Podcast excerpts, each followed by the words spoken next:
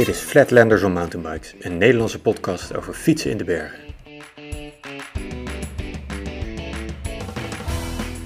Dan is er eigenlijk maar één optie en dat is in de afdaling je herstel proberen te pakken. Wat heb je voor, uh, voor disciplines? Ja, dat, uh, dat is een hele lijstje eigenlijk. Net zoals op in het baanwielrennen heb je ook enorm veel diverse disciplines. Um, belangrijkste is toch wel de cross-country Olympic. Je kan geen mountainbike podcast beginnen zonder het even over spulletjes te hebben. Een softtail versus de hardtail, framegeometrie, vaste of losse pedalen, er is een hoop te bespreken. Het gaaf is dat, dat steeds meer renners die, die publiceren hun data ook op. En als je dan bijvoorbeeld uh, Mathieu van der Poel vergelijkt met uh, een van de andere mannen die voorin meerijden.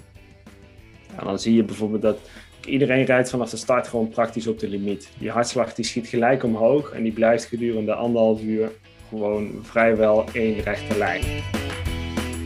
Yes. Want op zondag is de vrouwenwedstrijd om uh, voorbeschouwing start om 12 uur. Tien voor half één de dameswedstrijd. En bij de mannen start uh, de voorbeschouwing om half drie en om tien voor drie de wedstrijd.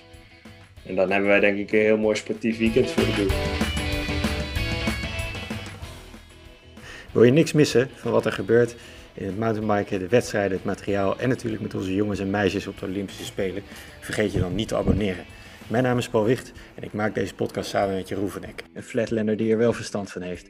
De Nederlands kampioen cross-country eliminator, de Europees kampioen cross-country eliminator en op jacht naar de regenboogtrui, cross-country eliminator en electric mountainbike, Jeroen van Eck.